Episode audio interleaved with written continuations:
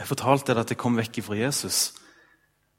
Når jeg var Jeg hadde vokst opp en fin, med en fin familie og full pakke. Hørte om Jesus på søndagsskolen.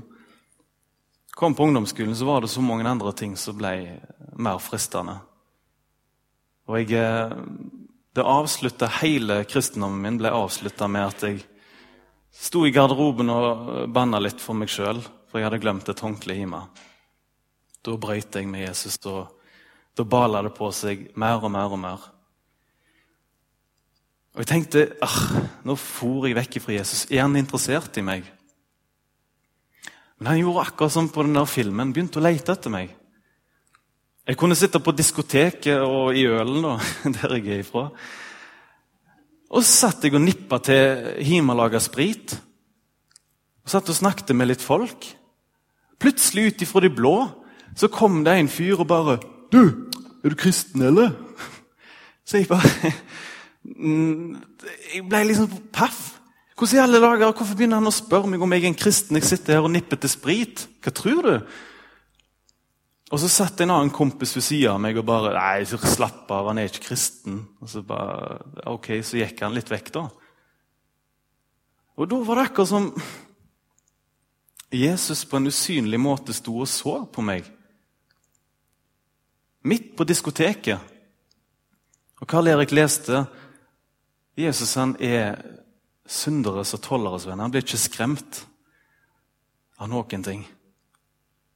Og Der kalte han på meg midt på diskoteket, og jeg kjente liksom hvordan det reiv i meg.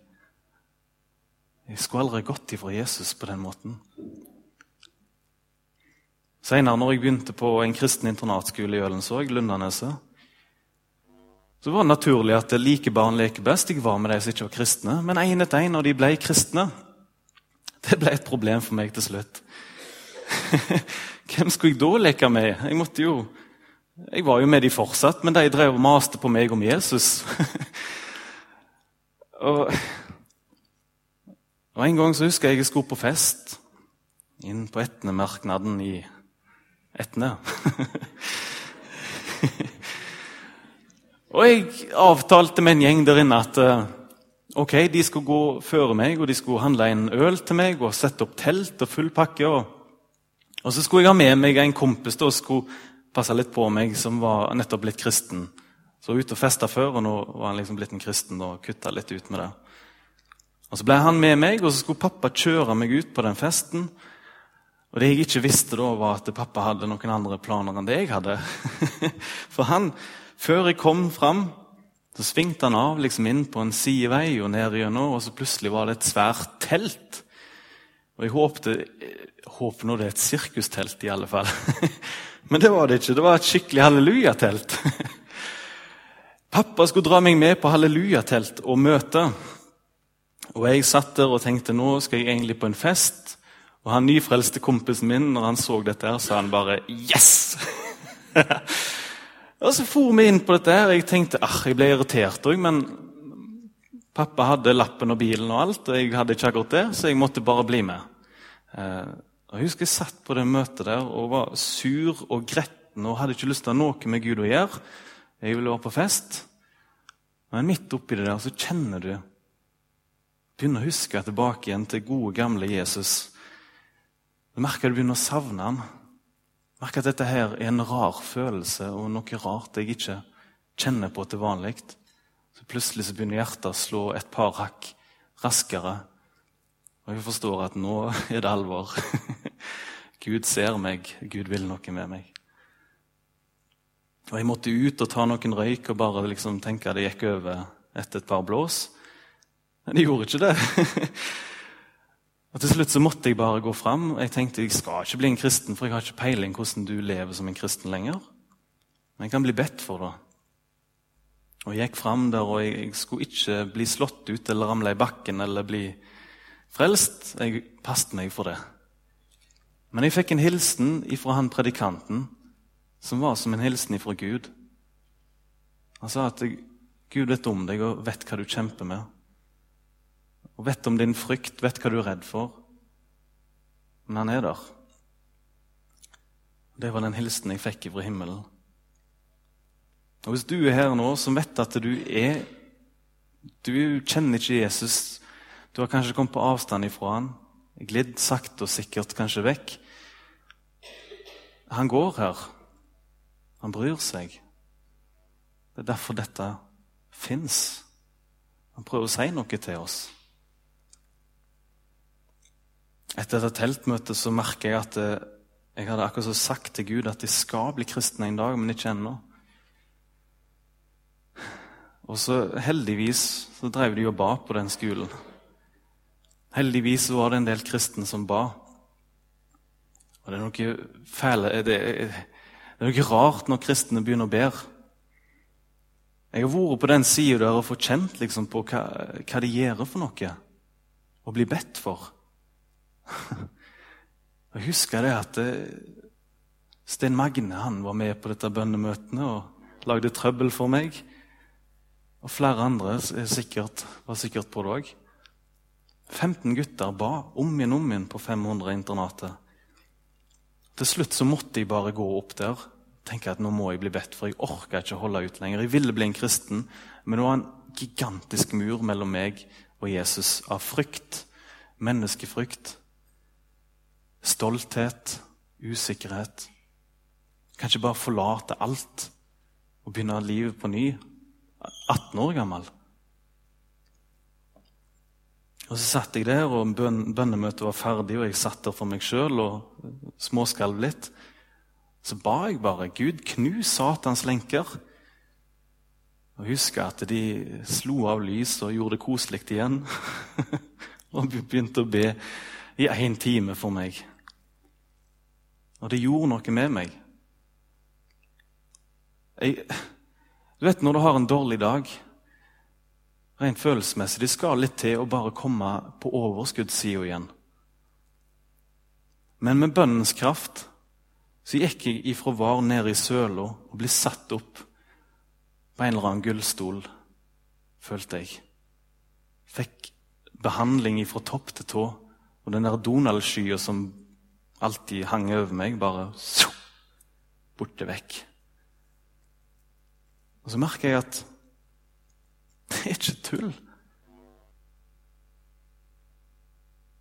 Det er ikke tull. Og så tenkte jeg med meg sjøl etterpå Er jeg blitt kristen nå når jeg har bedt for meg sånn? Funker dette her? Er jeg blitt Guds barn? Og Andre som ble kristne, de fortalte om så mye som skjedde med de gode følelser og ditt og datt. Men når hverdagen kom igjen dagen etterpå, så hadde jeg ikke de følelsene som jeg hadde fått når de ba for meg. Det var liksom helt sånn ingenting. Og Så snakket jeg med en kompis, og han sa bare gå og sett deg inn på rommet ditt. Og så må du be og lese det første du finner i Bibelen. Og så skal du høre hva Gud sier til deg. Og Da slo jeg opp og leste om den bortkomne sauen. Og så leste jeg at det ble glede når han fant han igjen. Jeg hadde forventa meg den kjeftesmella. Hva har du gjort, og hvor har du vært? og Se hvordan du ser ut. Det forventa jeg. Et oppgjør. Og så kommer Jesus med et smil til meg. Og inn i mine innvendinger Ja, men Jesus, er det så enkelt? Og det svaret jeg fikk når jeg leste den historien, vet du hva det var? Akkurat som Jesus sa til meg, dette har ikke vært enkelt for meg. Jeg har måttet betalt med mitt liv for at du skal kunne få leve nå. Jeg har gjort jobben, og nå skal jeg få ta deg opp på mine skuldre og bære deg hjem, hjem mot himmelen. Så forsto jeg at det, det var sånn det hang i sammen. Og Så var det herlig å få lese at det var faktisk en glede i himmelen. Engler som plutselig bare fyrte i gang en fest. Og du vet hvor smigra du blir når du følger år. Og ingen har lagd fest for deg, og du kommer sur hjem eller litt sånn gretten. Det var litt kjedelig på jobb. Jeg fikk ei lita kake, og så kommer du hjem, og hvis noen har stelt i stand en fest for deg Surprise! står de med sånne. Det er jo kjekt. Plutselig ble du litt verdifull allikevel. Ja, du er jo alltid verdifull selv om ikke du får en bursdagsfest. Det er ikke det jeg mener, da. Men, men tenk at de fyrte i gang en fest for meg i himmelen. Det var spesielt. Men så vet jeg det, at englene dulta borti en annen, flirte litt til en annen og sa at vi får nok en god jobb med han der fortsatt. Og det fikk de. Selv om jeg ble kristen 18 år gammel der på Lundaneset, så var det en stor jobb med meg. Jeg skal gi dere et bilde på dette. her. Eh, det står i Alt det som jeg har fortalt dere om nå, det handler om at vi mennesker vi er sårbare. Vi er som sauer. Vi trenger beskyttelse når vi er på jord. Med vår sjel og vår kropp og alt. Vi trenger beskyttelse. Og så har Jesus en illustrasjon på dette. For, for vi søker så ofte beskyttelse på feil plass. Vi stoler på noe som ikke holder.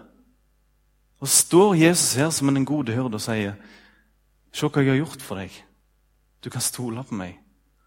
Og Så kan vi få opp Johannes kapittel 10, vers 11-14. Jeg er den gode hyrde. Den gode hyrde setter sitt liv til for fårene. Men den som er en leiekar, altså en innleid gjeter som bare får betalt, han eier ikke sauene sjøl.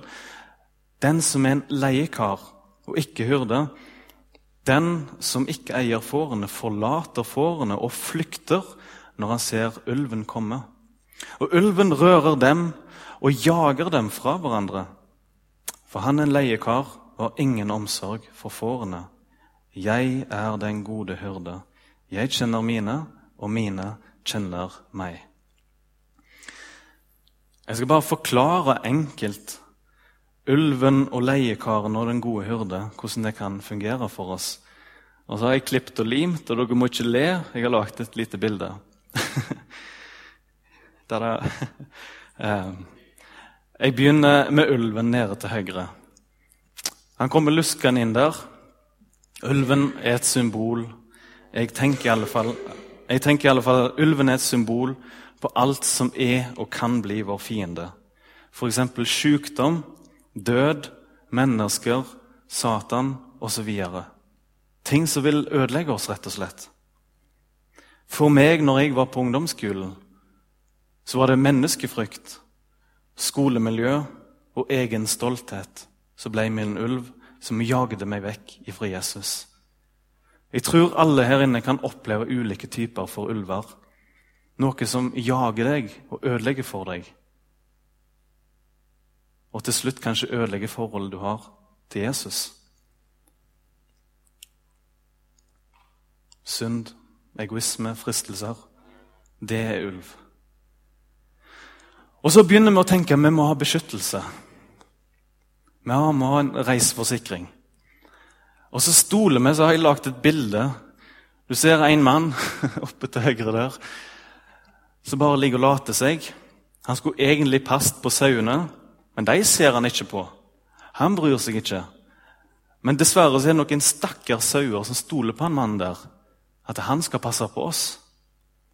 Og Han dårlige gjeteren det er symbol på noe som vi søker tilflukt til, men som egentlig ikke kan stå imot en ulv når alt kommer til alt. Eksempler på det det er falsk religion, penger, makt, fasader og image. Noe du stoler på skal hjelpe deg i livet, men når alt kommer til alt, så ramler de sammen. Det kan verken gi deg noe i hjertet eller føre deg inn i himmelen. Og så kommer den gode hyrde og vil vise at ikke stol på deg sjøl, ikke stol på noe som verden har å by på, men stol på meg. Og så ser du den sauen vi er sårbare sauer. Vi klarer oss ikke sjøl. Og så er det litt spesielt, for jeg hadde den tanken når jeg ble en kristen, at det er vel bare det det handler om. At du er en kristen, og så er det ferdig med det. Men det er todelt. Tredelt er det. Jesus leter etter deg, finner deg, plasserer deg inn i flokken sin, vil lære deg opp, og så vil han ta deg med til å bli i hans leitemannskap. Han vil gjøre sånn at du kan bli med han og finne nye, fortapte sauer. Det er tredelt, dette livet i lag med Gud. Jeg husker når jeg var liten, fire-fem år, og bestefar og storebror skulle ut og lete etter sauer. Jeg holdt på å grine meg i hjel. ikke fikk være med å gå opp i fjellet og lete. Og noe av det jeg har lyst til å bli med, er det det Jesus har lyst å lære oss opp til. Dere skal få fire enkle punkter. Sånn at Hvis du er her, og alt med Jesus er nytt for deg, så skal du bare få høre at det er ikke bare at det er kristen, og så er du ferdig, men Jesus har lyst til å gi deg så mye gaver og så mye godt og så mye opplæring. Så skal dere få fire enkle punkter å forholde dere til. Viktige nøkler med livet videre med Jesus. Først av alt blir du en kristen og kommer inn i Jesu flokk, så er nummer én Jesus vil at du skal forstå hvem han er. Jesus vil at du skal bli kjent med han sånn som han er. Og Vi kan bare få opp bibelvers på det. 1. Peter 3, 18, 2. Peter 3,18. Dette er nummer én. Voks i nåde og kjennskap til vår Herre og Frelser Jesus Kristus. Jeg husker min første kamp når jeg ble kristen. Det var dette spørsmålet her. Hvorfor skal jeg bruke tid på Jesus, møter og Bibel og bønn. Hvorfor det? Hva har jeg igjen for det? Jeg hadde fortsatt massevis av egoisme, stolthet. Hvorfor skal jeg det? Og når jeg snakker med andre eh, som ikke kjenner Jesus så godt, så er det ofte det jeg hører. Hvorfor? Hva har jeg igjen for det? Det er den første kampen og Når du har fått blitt kjent med løftene til Jesus og hvem han er, så vil Jesus at du skal forstå neste punkt. Og Det handler om at de løftene som du har blitt kjent med Du skal ta imot de løftene i ditt hjerte og den trøst som de løftene gir. Du skal altså på en eller annen måte invitere eller få kunnskapen om Jesus til å flytte ned i hjertet og få erfare han. Få erfare at løftene holder i ditt liv. Jeg kan få opp et bibelvers som er et godt eksempel på det. At kunnskap skal ikke, det skal ikke bare stoppe der. Men det skal gå gjennom hele kroppen. jeg skulle til si. Dette verset her Vær ikke bekymret for noe, men la i alle ting deres bønneemner komme fram for Gud i påkallelse og bønn med takk, og Guds fred som overgår all forstand, skal bevare deres hjerter og deres tanker i Kristus Jesus. Jeg husker godt en jeg ba for, som ikke var så veldig godt kjent med Jesus. Men han visste litt om han, og var en kristen. Og så Plutselig så var det, en, var det faren hans som havna i Fikk en sykdom. Han var ikke så vant med å be. Det var mer en teori for han at ja, bønn er, er nok noe bra. Og så gikk jeg og snakket med han, sa jeg. Så leste jeg det verset. Vi skal be. Og så gjorde han det, og så plutselig så begynte han å smile. At Oi, nå bare letta det av meg. Hvordan? Jeg fikk en fred i hjertet jeg ikke har kjent sånn på før. Kunnskapen om at det går an å be, ble til virkelighet der. Og han fikk erfare at Gud har medlidenhet. Gud vil trøste. Det ble ikke bare en teori som han visste om. Så det neste steg ta imot det Jesus har for deg. Punkt nummer tre Eller jeg må bare si det at kristendom ble til kristenliv når jeg fikk erfare Guds trøst i mitt hjerte. Det ble ikke en dom, men det ble liv. Punkt tre. Når du har blitt kjent med Jesus fått erfare han i ditt hjerte, så vil Jesus virke sånn i deg at han får deg til å begynne å stole mer på han. Neste punkt er at du forstår at han er interessert, han holder sine løfter. Og det blir en konsekvens. Du inviterer han aktivt inn i hverdagen din. I hverdagen, den grå hverdagen, der skal Jesus være med deg. Og så ønsker han å hjelpe deg aktivt å ta opp kampen med alt som er synd, alt som er vondt i livet ditt, og hjelpe deg med det. Jeg fikk erfare at Jesus fikk meg inn en gang til å bli en slags himmelsk, inn, inn i en slags himmelsk rekrutt, der målet var å bygge en ny karakter. Jesus vil gjøre noe med deg.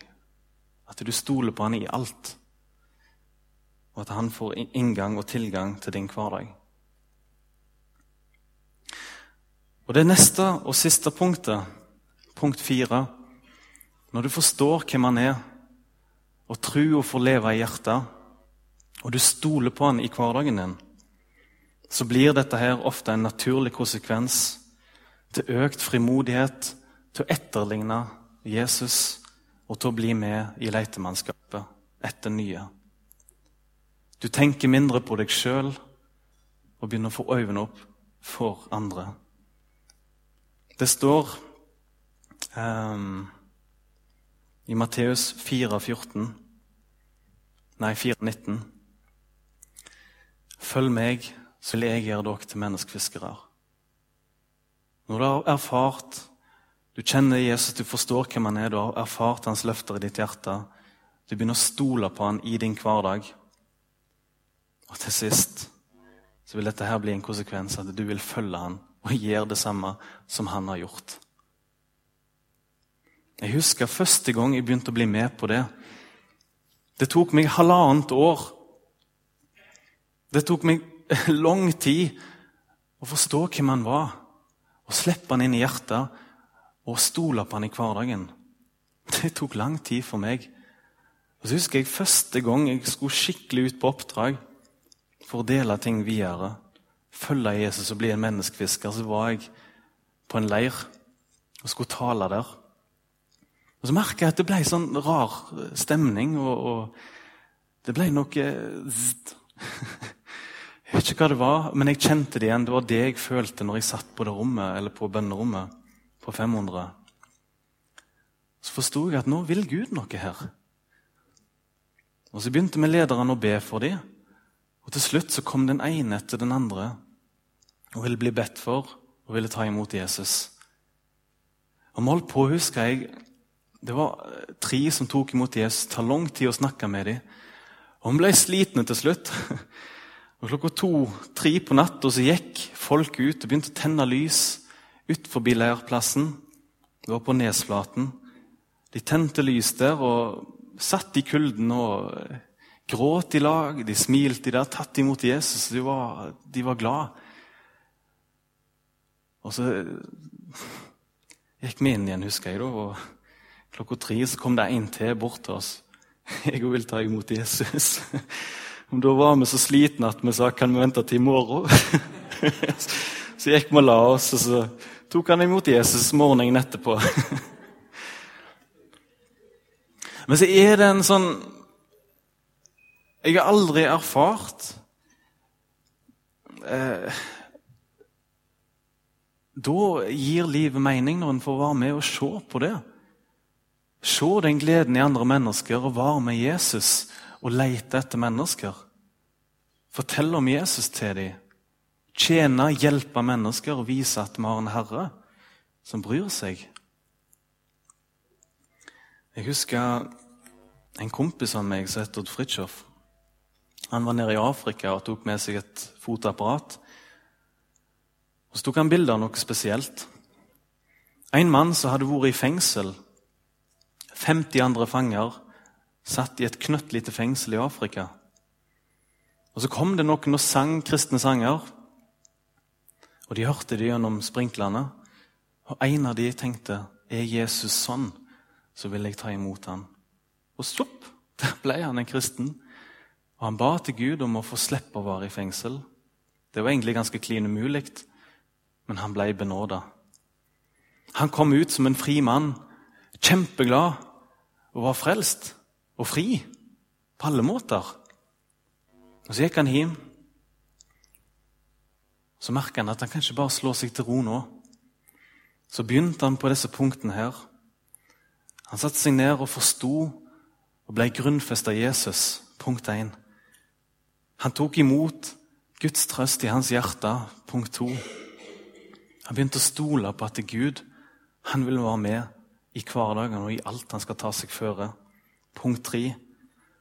Og han valgte å adlyde Jesus når han sa 'følg meg', så skal jeg gjøre deg til menneskefisker. Punkt 4. Og han kom tilbake til fengselet, tok med seg mat, delte ut til fangene gjennom sprinklene, og så vitna han for dem. Og dette tok kompisen min bilde av, og det kan vi få opp på storskjerm og se. Det er dette Jesus vil at, å ha oss med på. Han mannen som gir brød, han kunne sittet hjemme og hatt det behagelig og fint. Men han ville være med på noe større enn å sitte hjemme i sofaen. Han ville være med og følge sin hyrde ut på leteaksjon og var under hans beskyttelse og trygghet for å være med på noe stort.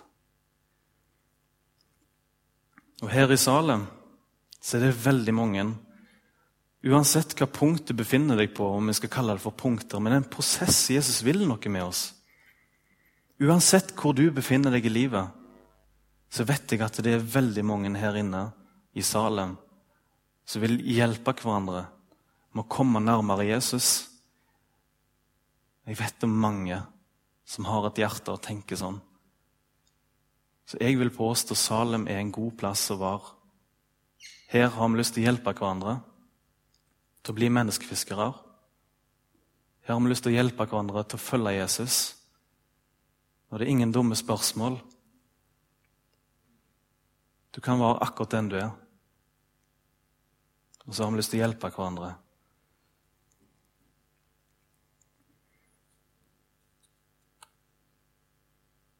Nå skal vi takke han for at han er den som han er. Jeg takker deg, Jesus, du som er min hyrde. Du har frelst meg, og du har lært meg opp i mange ting. Og så takker jeg deg for at du aldri gir meg opp, men du har lyst til å stadig bli, få en større del av livet mitt. Du har stadig lyst til å bare leve i meg og få være i lag med meg, selv om jeg ikke fortjener det. Så takk at jeg òg får lov til å være med og finne bortkomne sauer. Takk at jeg òg får lov til å være med deg, Jesus, når du skal ut på oppdrag, Herre. Så ber jeg om at du skal gå inn iblant benkene her nå og legge din hånd på den enkelte. Og la de få erfare det. La alle oss få erfare at du er god. Jesus, grip vårt hjerte og gi oss din nåde, tilgivelse og godhet. I ditt navn, Jesus. Takk at du er den gode hyrde som har gitt ditt liv for oss, og som lever her i dag. Amen.